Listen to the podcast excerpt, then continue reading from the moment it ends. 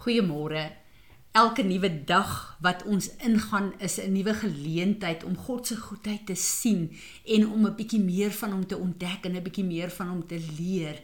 En uh, ek besef net dat lewe is een van die grootste gawes wat God vir ons gee en ons het 'n keuse hoe ons hierdie lewe wil leef en watter impak ons op ander mense se lewens gaan doen en die enigste impak wat ons regtig op mense se lewens kan maak is deur die woord van God en sy teenwoordigheid in ons lewe. Vanoggend sit ek en Johan en ons doen die verbondsmaal. En terwyl ek bid en vir die Here dankie sê en hierdie tekens oplig en hierdie brood breek en hierdie druiwesap voor hom hou, sê Heilige Gees vir my, Fransie, hierdie is julle kwitansie op aarde. En ek dink, "Wow, dis wonderlik. Ons weet dat ons behoort aan God. Hy het ons kom koop. Ons is syne hier op aarde. Ons is deel van sy koninkryk op aarde. Maar watter bewys het ek en jy vir die principalities and powers wat kyk, maar ook vir onsself en ook vir ander mense?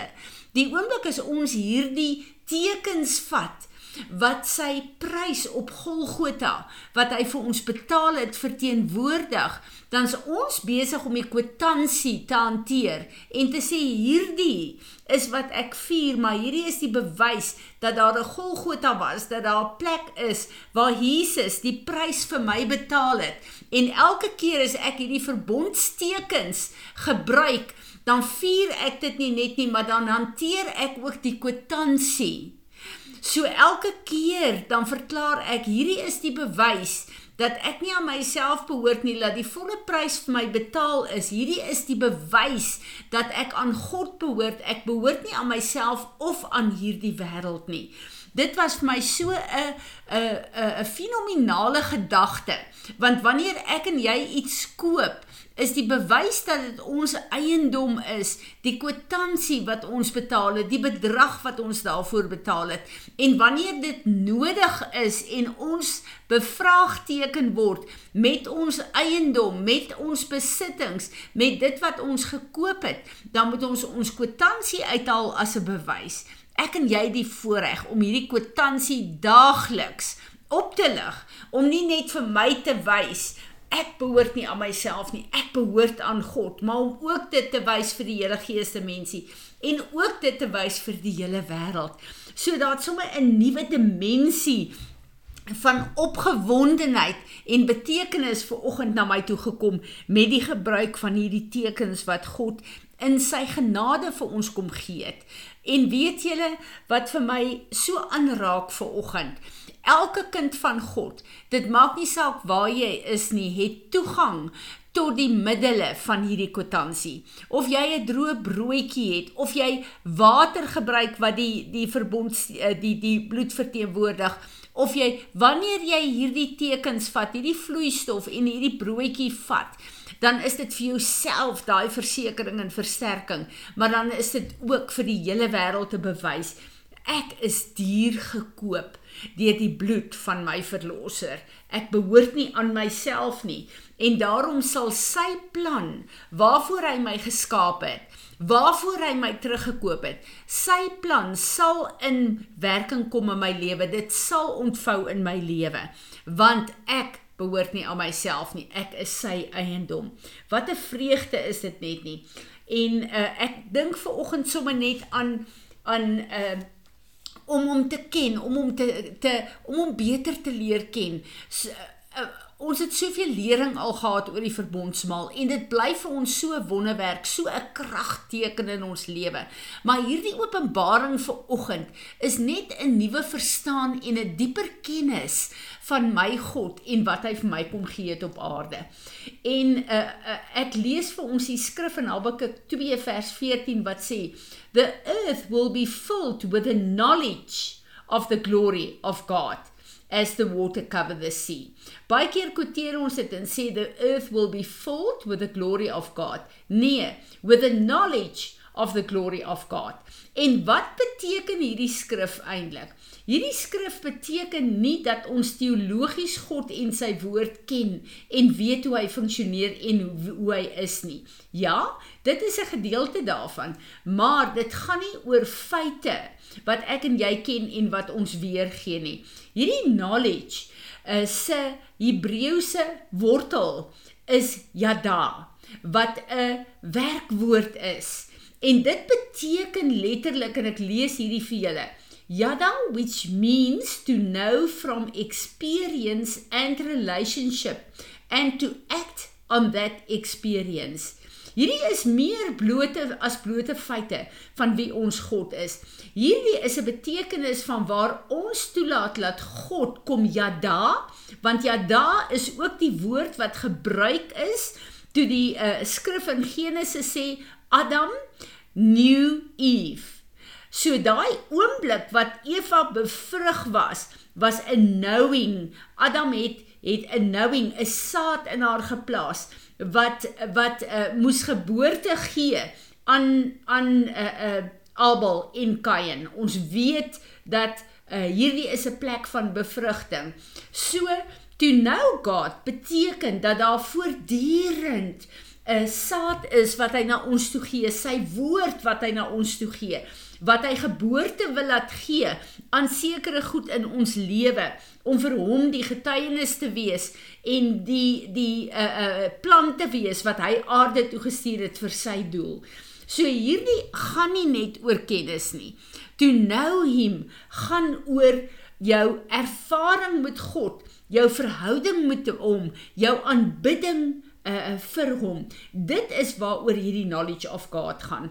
En dan in hierdie plek waar ons in hierdie verhouding met hom is, waar ons hom aanbid, waar ons hom ervaar, waar sy woord deur ons begin vloei en waar ons geboorte gee aan die volheid van God wat hy deur ons lewe op aarde wil laat land. Hierdie is regtig die plek waar God se glorie die aarde kan vul.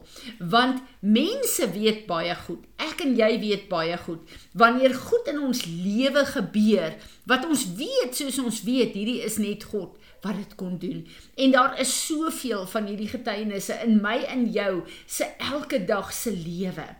En ek en jy moet weet dat die die die the knowledge of God is die fondasie van ons lewe waaruit God nie net vir ons wys hoe lyk 'n verhouding met hom nie maar ook vir die wêreld wys wat beteken dit om God te kan dien en weet julle vanuit hierdie kennis van die woord van God vanuit hierdie kennis kom die getuienis van my en jou se lewe. Hoe ander mense ons sien, hoe ons onsself sien, hoe ons families ons sien. En mense weet baie goed wanneer hulle oor iemand wil praat of getuig, dan uh, jy sien en hoor in hierdie persoon se optrede, waar is hierdie persoon geanker in die Here? Een van die skrifte wat vir my baie beteken en wat ek baie bid vir mense maar ook vir myself is Johannes 8 vers 31 en 32. 32 is wat ek gewoonlik bid en profeteer and you will know the truth regarding salvation and the truth will set you free from the penalty of sin. En ek en jy weet dat daai woordjie nou is yada. Dis nie net om die kennis van die woord te hê dit te profeteer en skrifte aan te haal nie, maar dit is wanneer ons hom toelaat om te yada met die woord sodat elke plek wat nie gevul is in ons lewe deur hom nie dat dit die knie kan buig en kan gaan en sodat sy glorie in die eerste plek al hoe meer en meer plek in ons lewens kan inneem. En so waar ons ook al beweeg wat ons ook al sê uh uh sal ons die aarde aanraak en soos wat hierdie woord sê his glory will cover. The knowledge of his glory will cover the earth. Dit wil sê die verhoudinge wat ek met mense het sal 'n ekstensie wees van wie ek is en my glorie en my almag op aarde in elke situasie. En dit sal situasies en mense verander. Dit is wat met Petrus gebeur het toe hy gestap het en sy skade weer die teenwoordigheid van God het op mense geval. En dit het mense aangeraak en verander. En dit is wat die Here vir elke een van ons ook wil hê. Maar ek wil ook vers 31 van Johannes 8 uh, eh, lees want dit is vir my so belangrik. Dit verduidelik eintlik hoe die kennis van die waarheid van God se woord ons lewe moet vrymaak en beïnvloed So Jesus was saying to the Jews who had believed him, If you abide in my word, continually obeying my teachings and living in accordance with them, then you will truly be my disciples. En ek en jy het 'n keuse of ek en jy sy woord gaan gehoorsaam. Ons weet, ons kom baie kere op plekke waar ons geïrriteerd is, waar ons offended is, waar mense ons te nagekom het, waar ons moet uh voor die Here kom en vergifnis vra, maar ook moet vergewe en vryspreek. Hierdie groot kwessie in ons lewe wat ons aanhoudend mee moet werk.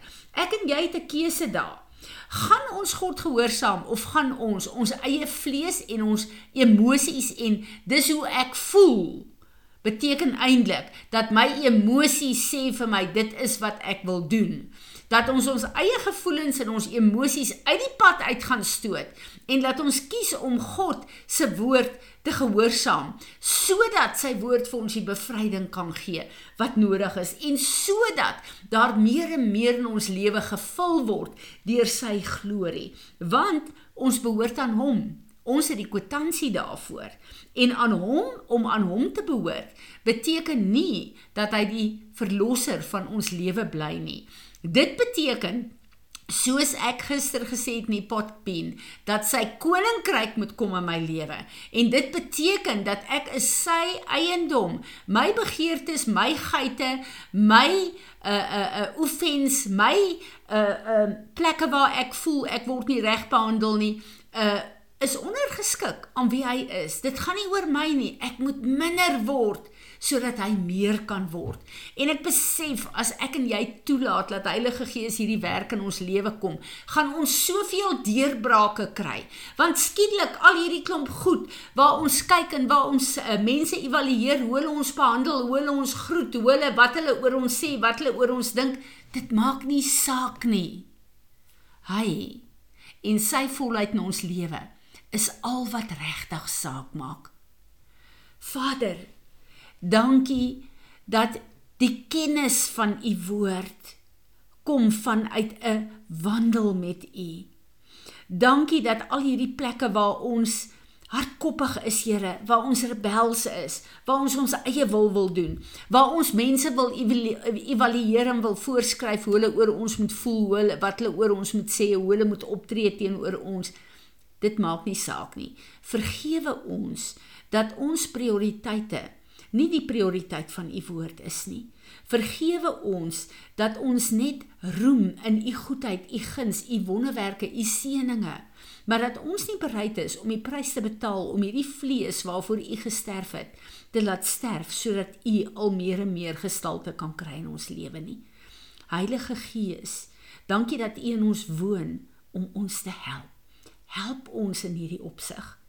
Jesus, U kom vir 'n bruid sonder vlek of rimpel. Kom deel met ons lewe.